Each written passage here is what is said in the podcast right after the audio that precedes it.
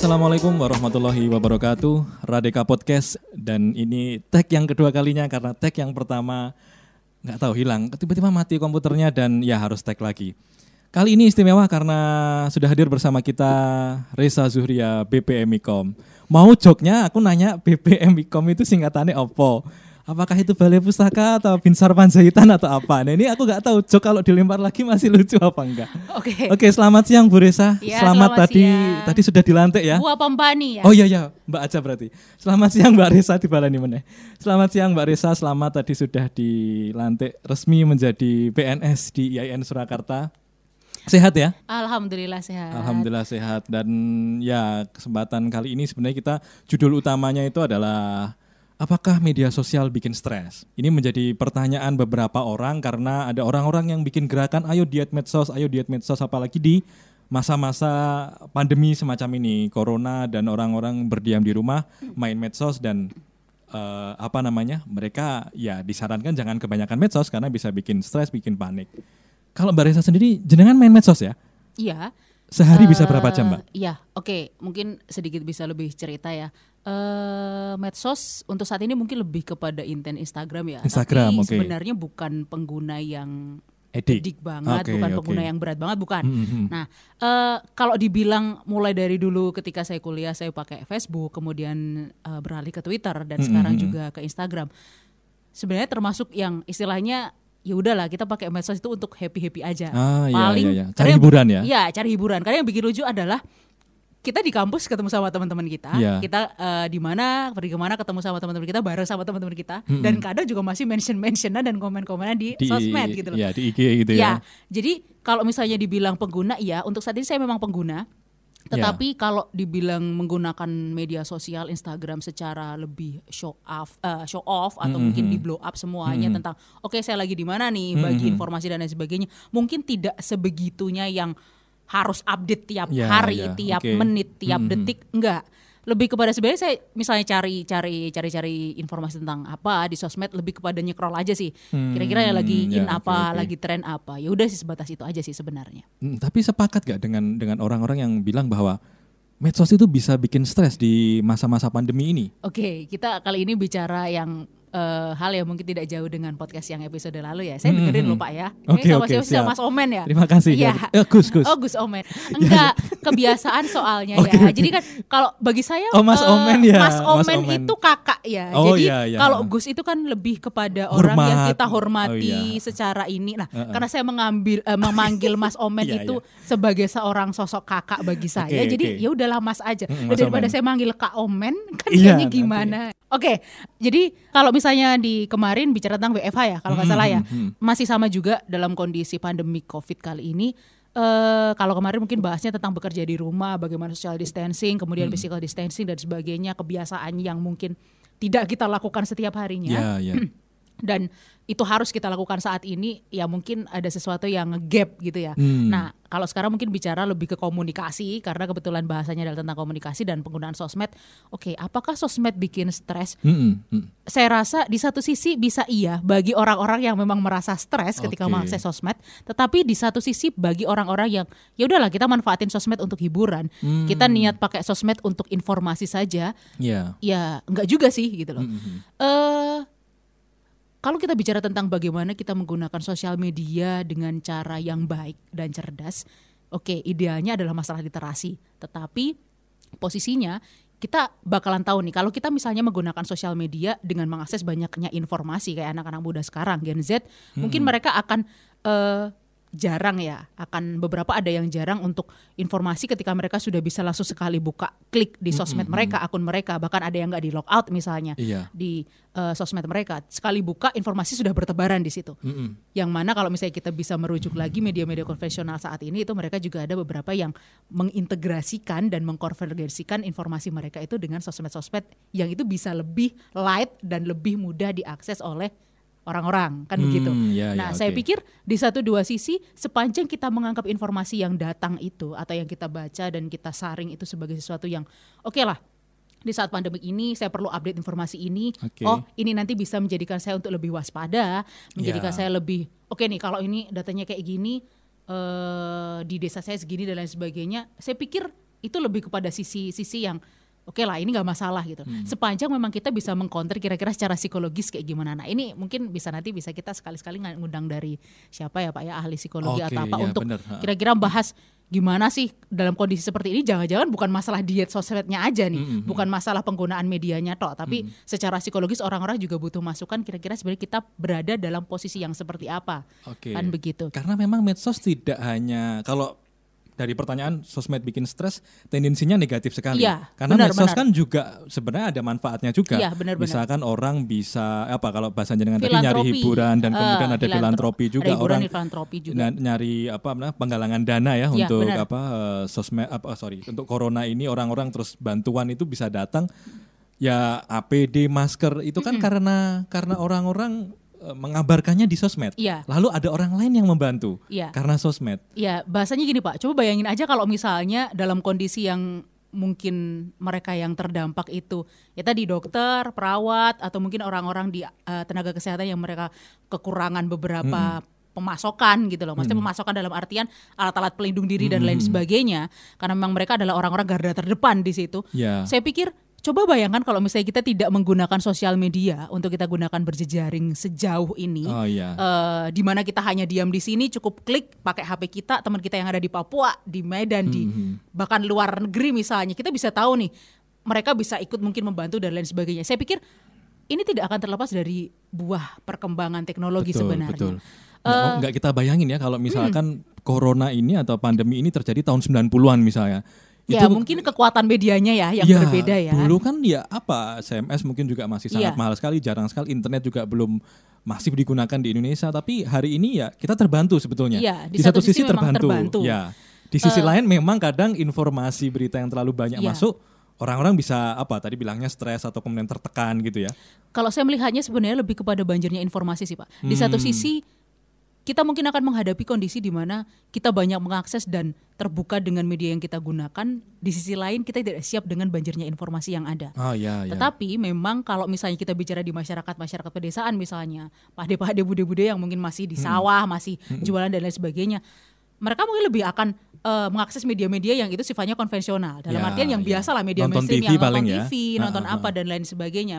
Jadi kalau dibilang eh, apakah semuanya sisi sosmed itu adalah bikin stres secara negatif, saya pikir tinggal bagaimana kita kemudian mengcounter itu. Atau juga tinggal siapa yang kita follow. Iya. Nah, iya nggak sih? Iya, Jangan-jangan yang kita benar, follow benar. ini orang-orang entah buzzer, entah apa Iya. namanya orang-orang yang ah, terlalu serius membicarakan Oke, corona. Saya agak inget eh, dulu pernah sedikit baca. Apa ya istilahnya saya agak lupa. Mungkin Pak Zaki bisa eh, bantu atau Ah. inget-inget juga masalah chamber chamber information atau Oh, apa ya. anu, apa namanya? Echo chamber. Ah, echo chamber, Echo chamber, ya. Jadi posisinya eh saya ingat betul di situ. Ketika kita follow siapa, Iya. kita mengikuti siapa, Mm-mm, kita mm-mm. biasa buka akunnya siapa. Pada Iya. dasarnya kita nanti akan terlingkup ketika kita sekali buka sosmed akun kita Iya. di satu dua waktu, kita akan mendapatkan informasi-informasi yang Ya, sebenarnya tidak itu- itu jauh. aja. Ha-ha. Iya. Eh, Oke, di sisi lain memang ini jadi membuat apa yang kita akses jadi terbatasi ya, terkotak-kotak. Ya, ya, ya. Tetapi Karena di sisi algoritma lain, itu ya. Ya, Karena benar. Itu memang permainan medsos. algoritmanya dari Heeh. dari medsos memang. Heeh. Cuman posisinya di satu sisi eh ini secara tidak langsung juga bisa memberikan batasan sebenarnya dalam tanda kutip kita akan sejauh mana sih pergi berselancarnya. Ah, kita ya, akan ya, sejauh ya, mana ya, sih ha. eh, menerima banyaknya informasi yang masuk kan Hmm, begitu. hmm, hmm. Ya, ini sih sebenarnya yang harus kita perhatikan gitu loh. Iya di di satu sisi memang ya betul memang med- medsos itu memberikan info karena generasi sekarang kan kayak nggak baca eh, jarang yang baca koran jarang yang akses itu kayak langsung buka Google Chrome terus eh, ketik detik.com atau kompas.com itu generasi sekarang dapat informasi ya dari medsos gitu kan. Cuma memang betul sih tinggal gimana kita menggunakan medsos itu sendiri gitu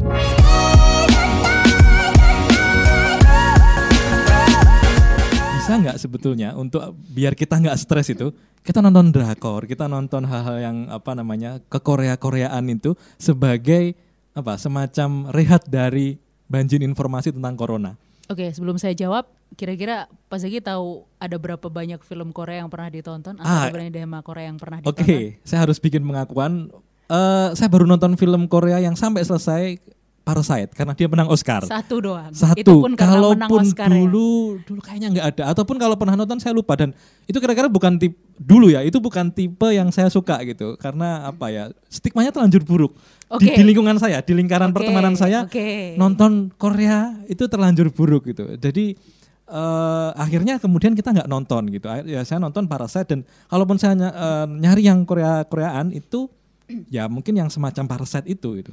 Oke, eh, stigma ya, lagi-lagi ya. Nah, nah benar. Eh, Oke, kalau kita jujur kalau misalnya ngomong Korea, saya nggak bisa serius-serius amat sih. Maksudnya Oke. Tapi ini Korea Selatan ya, bukan Korea Utara. Oke. ada sih salah satu drama dari Korea Selatan sebenarnya yang pada akhirnya cukup agak mengubah nggak tahu sih eh saya mungkin pernah cerita ini ya tadi di di siaran yang sebelumnya yang Oke. sebelum kekat tadi ya oke hilang. jadi ada di eh, salah satu Twitter yang saya pernah baca di situ ada yang buat eh, apa ya percakapan gitu di Heeh. Twitter sama suaminya. Awalnya yang hektik dan banget banget tentang drama Korea kebetulan istrinya ya di situ. Tetapi ada salah seorang sepasang yang cowok nggak terlalu nih. Tapi eh, ketika ada salah satu drama Korea mungkin tahun 2019 2020 lalu apa ya? Maksudnya yang awal-awal 2020 2019 akhir yang kemarin cukup sempat menggemparkan dunia ini yang katanya juga kalau nggak salah sempat ada yang kritik juga sebenarnya Ya. karena di situ ceritanya eh, ada tentara salah satu tentara di Korea Utara yang kemudian eh, jatuh cinta dengan biasalah ah, kisah-kisah klasik gitu Ya, ya, ya. sama salah seorang di Korea Selatan yang mana dia pewaris kalau nggak salah ya di Mhm. situ. Nah, jadi eh, sebenarnya kisahnya sih ya sutra biasa aja, Ya. tapi posisinya yang menjadi menarik kalau saya pikir di sini lebih kepada sosok ya, Hmm. karena memang sosok aktor dan aktrisnya eh, bukan ecek-ecek lah, termasuknya adalah orang-orang yang mungkin sudah lumayan besar di dunia drama Korea, Oke. dunia hiburan terutama Apa, di apa situ. judulnya apa? Chloe. Ada yang Chloe. namanya Chloe. Chloe. Crash Landing on You. Nah, Oh, ini kalau oke, buat para oke. pendengar yang Crash mungkin Landing on You. Ramudeng aku. Iya, tapi saya yakin Pak Zaki memang nggak nonton Nggak tentang tahu. itu ya, Terus, karena terus. tadi eh, tipenya Parasite ya, Iya, Oscar iya. gitu kan ya. Eh, tapi Ya itu juga ikut-ikutan Nah, orang-orang aja tapi sebenarnya. gini, saya balik lagi. Eh, secara pribadi sah-sah saja loh kalau misalnya mau laki-laki dia nonton nonton drama Korea dan Hmm, lain hmm, sebagainya. Lah, so what gitu loh. Ya. Saya nonton action juga nggak masalah juga kan. Apakah kemudian ketika misalnya eh, para laki-laki nonton eh, film horor harus strength harus Ya, maksudnya tetap steady di situ Mm-mm. dan nggak teriak-teriak. Loh banyak juga perempuan yang nonton film horor itu dia ya biasa aja. Biasa aja, ya laki-laki mah yang teriak-teriak. Iya. Kasarannya seperti Ah, itu ah, gitu loh istilahnya. Jadi saya pikir kalau misalnya apakah Korea bisa jadi salah satu, pokoknya di Mm-mm, pertanyaan awal ya, mm-mm. apakah Korea bisa jadi, eh bukan Korea, drama Korea atau hiburan Iya. tentang Hallyu misalnya ah, bisa menjadi salah satu eh, alternatif untuk kita membunuh stres di saat WFH misalnya iya. atau kebosanan dan lain sebagainya. Secara pribadi kalau untuk kita nggak bicara masalah eh, dalil dan sebagainya loh Iya, ya iya, di iya. sini ya. Ah, ah. Ini tapi kita bicara tentang konteks sosialnya. Iya. Kalau memang itu bisa menjadi alternatif bagi beberapa orang, saya pikir sah-sah saja dan boleh-boleh saja. Ah, oke. Kenapa? Karena begini, eh, secara sosial orang mungkin butuh eh, bersinggungan dan butuh berinteraksi dengan orang lain. Ketika kemudian terbiasa main celok sana, main celok sini, Iya. kayak misalnya saya, saya nggak bisa diem orangnya, Iya. harus di rumah dan lain sebagainya. Rebah, rebahan yo, su, eh, rebahan suwe yo kesel loh ya. Iya. Maksudnya rebahan lama itu juga membuat kita kadang selain jenuh, kita juga capek.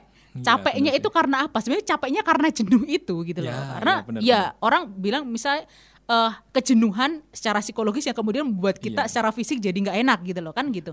Jadi saya pikir ketika kita berusaha dan berupaya untuk mencari hiburan-hiburan tertentu, tadi misalnya dengan akses sosmed dan sebagainya Hmm. ya sudah. Kalau misalnya merasa itu menjadi sesuatu yang bisa menghibur ya nggak masalah. Mm-mm. Atau misalnya masalah tontonan nih, Iya. eh merasa nggak sih ketika misalnya dulu awal-awal kerja di rumah social distancing ada banyak yang kemudian berlomba-lomba untuk ngasih link-link film, Betul. Nah, Sama link-link buku. link-link buku dan link-link film. ilegal. Nah, Bukunya ilegal Oh, dan aja gitu. filmnya juga ilegal. ya? Lah. Enggak, tapi eh, buku ilegal itu juga terus rame. Wah, sudah jadi pahlawan membagikan link Hmm. buku ilegal tapi ternyata eh, nggak jadi karena bukunya ilegal gitu dan Nah, orang-orang banyak yang Oke, protes. di satu sisi memang pada akhirnya ada satu dua hal yang tidak dipersiapkan ya di situ Iya, ya Mas. Ai. Cuman di sisi lain, jangan-jangan itu adalah eh, upaya untuk alternatif saja. Sekiranya ketika kita eh, berada atau dihadapkan pada kondisi yang harus distancing, harus Iya, ini, kita betul. pasti akan merasakan hal-hal yang secara psikologis dan manusiawi, oke Iya. bosen dan lain Karena sebagainya. main ngopo meneh ya kan. Lah, karena Masa ngopo meneh. Nah, terus oke ngajar Iya. udah misalnya, Iya. ngasih materi udah lah, terus ngopo gitu loh. Nah, Nah. hiburannya Ya hiburannya salah satunya kalau misalnya bagi kalian yang pengen nonton ya saya pikir sah-sah aja sih dan Oke. eh, mau genre apa pun. Nah, ini yang yang yang Hmm. yang menurut saya stigmanya juga harus dihapuskan ya. Eh, saya tidak saya tidak kemudian apa ya istilahnya eh, keluar dari apa sih yang sedang kita eh, yakini sebagai stereotip kecantikan saat Iya, ini iya. bahwa misalnya laki-laki harus ini dan lain sebagainya gitu loh.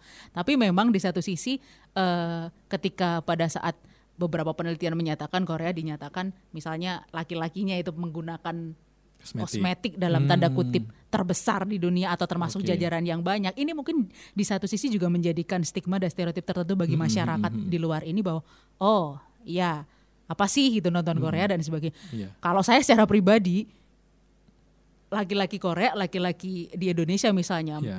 Kita masing-masing punya ciri khas tertentu gitu. loh. Hmm. Dan begitu juga misalnya orang-orang di Cina, orang-orang di Barat misalnya, mereka punya ciri khas tertentu. Jadi Iya. ya so what gitu loh nggak masalah kita mau Eh, kenapa saya nanya ini karena saya punya teman dosen di Jogja Hmm. dan apa namanya di Twitter dia memposting kalau dia sedang kecanduan nonton Korea, Ya. bukan kecanduan siapa lagi seneng senengnya nonton Korea karena WFH ya, karena WFH terus dia jadi punya banyak waktu di rumah gitu, ya dia dosen sudah ngajar dan makanya dia setelah ngajar itu terus apa? Nah untuk menghabiskan waktu dia nonton drama-drama Korea, nonton film-film Korea gitu, yang bagi saya sebenarnya dia apa ya tipe dosen yang sangat cowok sekali, yang maskulin sekali begitu, yang yang nggak mungkin gitu kira-kira dia nonton Korea gitu. Stigma buruk ini barangkali dulu dialami oleh orang-orang yang suka nonton film India, sama nggak ya? Jadi kan orang yang suka India itu dianggap apa? Kuno, deso, terus sebentar. Mas Zaki suka India? saya non saya putarkan film India di kelas. Saya mutarkan film PK di kelas untuk mata kuliah eh, se- eh, apa namanya ilmu dakwah. Karena dari situ sebenarnya kita bisa belajar banyak. India pers- eh, perspektif saya soal India juga berubah gara-gara Mahfud Ikhwan. Dia nulis buku Aku dan Film India Melawan Dunia. Dia merekomendasikan film-film yang bagus tentang fi- film India yang bobotnya itu keren gitu loh. Di PK itu bicara soal agama dan macam-macam gitu kan. Nah, Korea mungkin juga mengalami uh, stigma yang sama. Dulu orang film film India kan karena cuma joget-joget, nari-nari di tengah hujan. Itu kan kayaknya seolah-olah ah, film opo gitu kan atau uh, kebudayaan macam apa semacam itu. Begitu juga dengan Korea. Stigmanya apa sih? Operasi plastik ya kan. Terus kemudian iya, iya. ada yang secara kasar nyebut itu fake, palsu gitu, tidak tidak menjadi dirinya sendiri gitu. Ya karena stigma itu, padahal ternyata saya pikir saya eh, mulai harus mulai mencari film-film Korea lagi yang semacam Parasite atau yang lain dan saya yakin pasti banyak. Bener Oke. nggak itu? Oke, kalau menurut saya pangsa pasar ya Pak ya. Oke oke. Di satu sisi ini mungkin lebih ke komunikasi ya.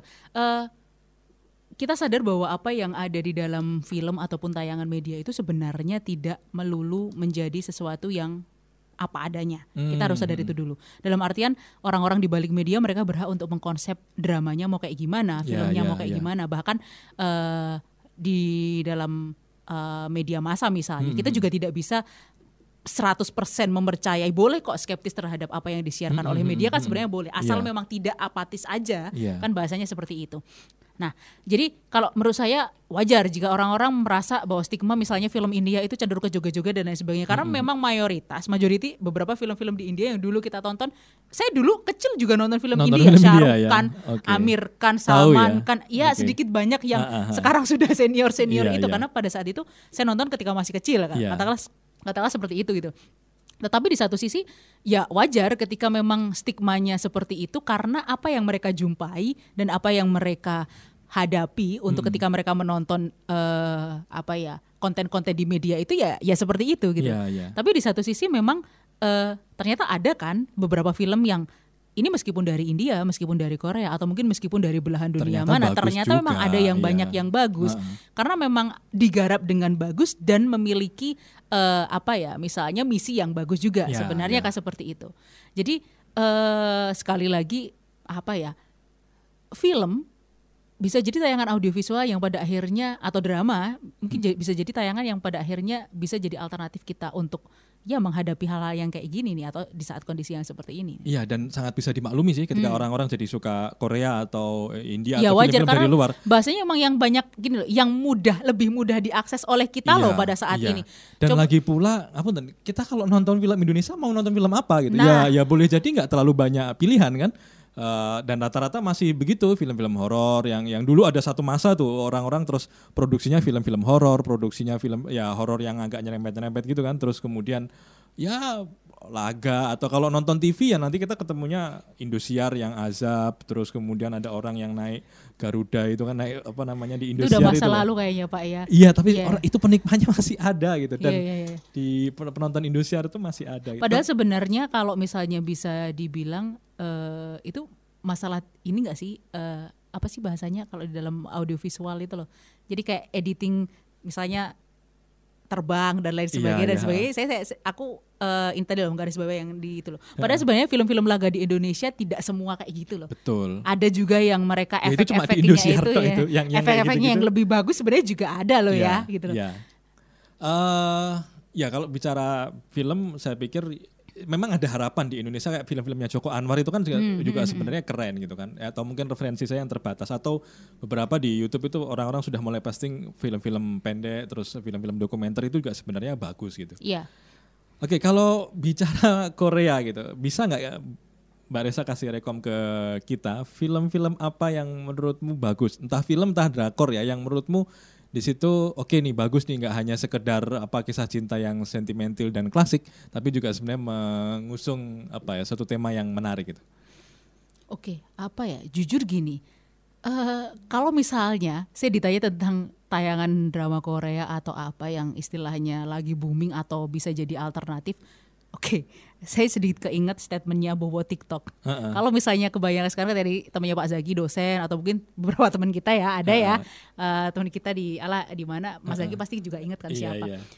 Baru yang dulunya nggak pernah suka sama Korea, tiba-tiba mereka suka. baru suka, newbie dan kemudian sangat hektik, sangat edik sekali bahkan suaminya juga diajak nonton atau Oke, mungkin ada itu eh, ya? bapak-bapak yang kemudian istrinya juga diajak nonton dan Oke. sebagainya lah. Saya pikir oke lah, nggak masalah, itu sah-sah saja. Eh, terlepas dari sebenarnya eh, mereka akan meningkat kok menontonnya dalam artian dengan, ya boleh saya katakan meningkat, meningkat dalam ya. artian bahwa ketika awalnya mungkin mengakses atau nonton beberapa eh, drama-drama atau film Korea yang ringan-ringan, kemudian eh, nambah ke ini, nambah ke ini, nambah ke ini, untuk kemudian nanti ada yang genrenya lebih serius dan lain sebagainya.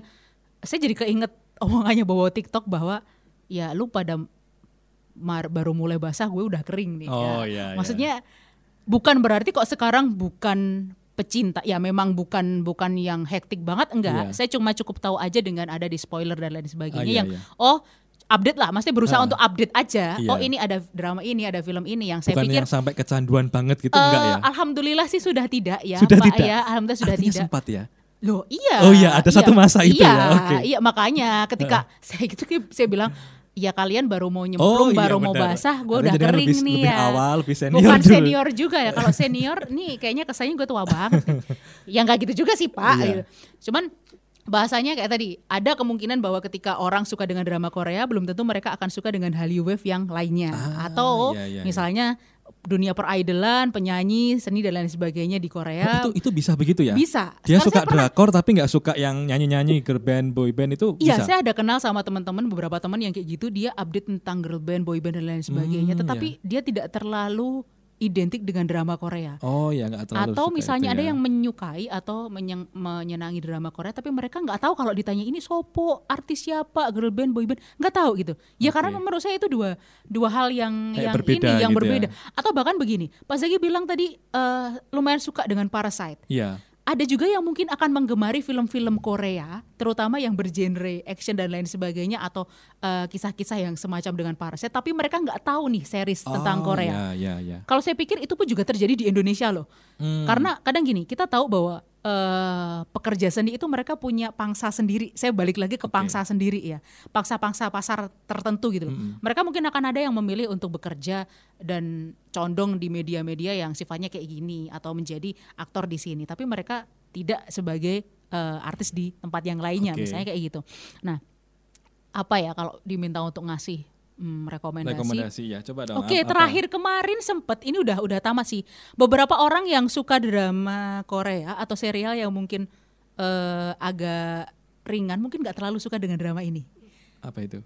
Eh, adaptasi dari webtoon Itaewon Class. Oh. Salah iya, satunya iya, itu. iya, itu iya. kemarin sempat rame. Kenapa? Iya. Saya cukup mengacungi jempol aktingnya Park Seo Joon ya. Ada namanya salah satu. Park Seo Joon Saya- nanti bisa Saya tahu dicari. nama Korea itu cuma Park Jisung itu pemain bola. Mohon maaf Pak ya. Nggak ada ya. Oke, Atau oke, kalau nggak gitu siapa sih Lee Yong Dae yang pemain badminton itu kan ya? Saya juga nggak tahu. Tapi nggak tahu. Aduh, please Pak. Oke, tapi kalau Ya, Itaewon- itu. apa tawon Itaewon- kelas? Apa apa jenenge? Bukan Judulnya apa? tawon, astagfirullahaladzim.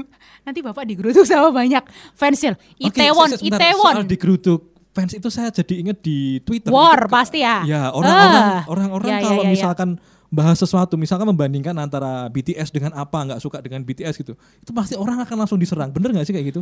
Oke, eh saya sebenarnya nggak mau terlalu banyak bicara Oke. tentang itu ya. Saya takutnya nanti saya jadi Diserang juga. diserang dan dikira mendukung salah satu ini ya sudut Iya. atau apa.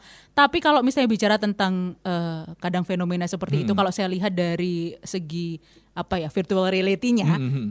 ada memang. Iya. Eh, pernah kadang baca salah satu teman itu ada yang mereka eh, include dan menjadi member di fan cafe ya. Mhm.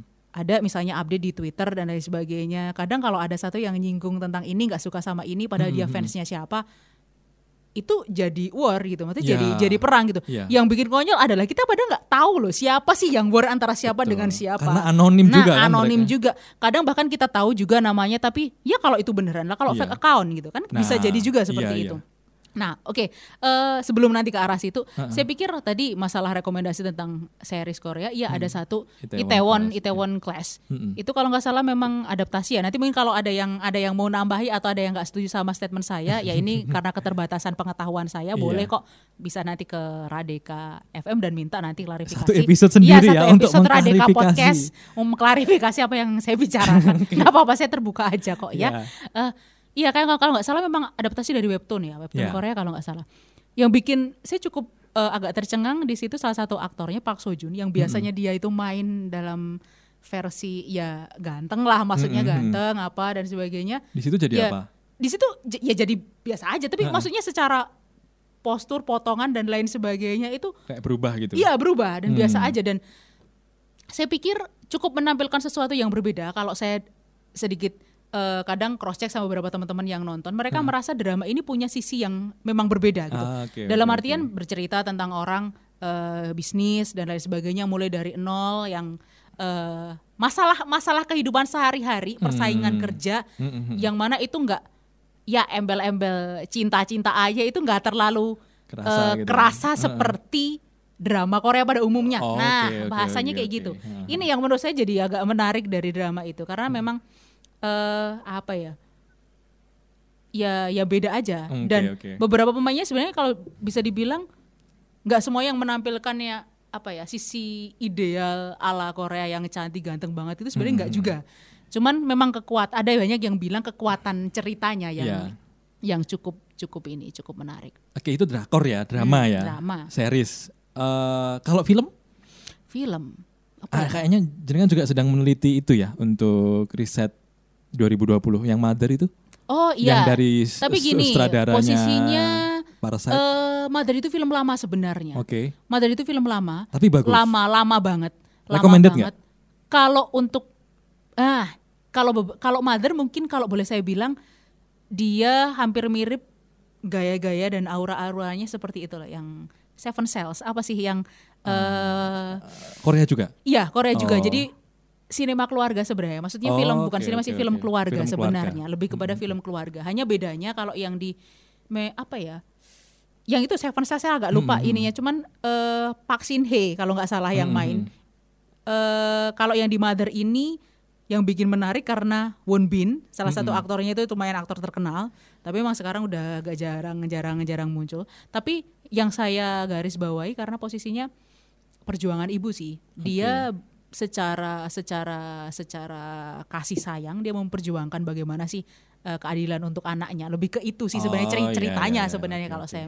Dan terlepas dari ya film ini film festival kalau saya lihat ya. Jadi bukan Oh, film no, yang iya, iya. hampir sama dengan karena Bong Joon Bong Joon Ho juga ya. Iya, posisinya yang sutradaranya. yang sutradaranya Hmm. yang di film Parasite. Hmm. Jadi memang eh ya tapi ya ini masih masih ditangguhkan ya risetnya jadi belum. Oke, Drakor. nanti bisa jadi panjang kalau kita Iya, ngomongin uh. riset. Oke, eh, ada lagi nggak film eh, drakor yang atau drakor terbaik sepanjang masa versimu apa selain Itaewon Class tadi? Kalau dibilang Itaewon Class adalah dram, drama Korea terbaik versi saya enggak juga Enggak sebenarnya. juga, ada yang lebih bagus? Saya kalau saya ada juga yang lebih bagus, Ah. tetapi di satu sisi saya tidak mau memberikan rank ya, oke, karena oke, bisa ha. jadi ini sangat berbeda. Iya, iya. Dan saya bukan untuk saat ini saya bukan penonton yang kemudian sangat konsen sekali Ah, dengan itu dengan bukan. itu, ha. dengan intens dengan itu bukan. Jadi saya nggak berani. Jujur saya nggak Hmm. berani untuk memberikan rank atau peringkat. Karena nanti takutnya ada orang-orang yang ah ini Tidak kayak gini dan sebagainya. Hmm. tidak sepakat dan lain sebagainya. Cuman kalau untuk yang ongoing apa ya terakhir? Oh ini. Filmnya Lee Min Ho yang baru dramanya Lee Min Ho yang baru mungkin bagi yang Oke. pengen ini bisa kok ya. Eh tentang kerajaan dia kayak pewaris kerajaan dan lain sebagainya gitu-gitu ada Ah. ini yang terakhir Apa judulnya? bentar saya agak lupa ya The Jadi- King The King. The King kalau The nggak salah. The King apa monark monarki apa gitu. Oh, itu oke, bisa oke, dicari oke. nanti. Lee Min Ho ya dramanya bener baru berapa episode ini. Terus ada lagi kalau misalnya yang ini saya agak ngekek ngekek ngekek ngekek gimana ya? Ada drama perselingkuhan yang ini saat ini lagi sedang in-innya. Bayi Mama bukan? Bukan Hai Bye Mama itu udah baru tamat yang kemarin. Hai Bye Mama itu malah ini serialnya keluarga banget, bukan Oh, perselingkuhan iya, iya. dia. Karena yang rame di Twitter itu kalau nggak Itaewon Class, eh, Bayi Mama. Hai. Bye Mama itu Udah nonton juga? serinya nggak nonton tapi Nggak tahu nonton. spoilernya aja. Ha. Beberapa di ini beberapa eh arahnya lebih ke kasih sayang ibu ke anak ya kalau Oh, Hai Bye iya, iya, Mama. iya, ha. Kalau yang Ini tentang loh. perselingkuhan? Dulu kalau dulu di tahun sebelumnya itu ada VIP ya yang main Jang Nara. Oke. Tapi kalau ini lebih ini lebih serinya lebih ini The World of Merit. Oke. Ini bagi yang Siap, mungkin sudah nonton, ini beberapa ada yang sampai ya Allah saya kalau misalnya lihat di komen-komen ini netizen semuanya mencak-mencak semuanya di situ. Hmm. Gara-gara aktornya maksudnya ya. Ya saya harapkan sih mereka benci hanya secara karakter tapi bukan secara orangnya ya. Udah Oke, gitu itu. jadi itu ya ada ada rekomendasi-rekomendasi dari Bu Resa. Oke, saya kira itu eh, Radika Podcast edisi kedua dan ini juga tag kedua. Jadi tadi sebenarnya sudah tag ini apa namanya eh, nggak tahu ada kesalahan teknis begitu tapi ya nggak apa-apa lah. Kita ketemu lagi di Radika Podcast berikutnya. Assalamualaikum warahmatullahi wabarakatuh. Waalaikumsalam.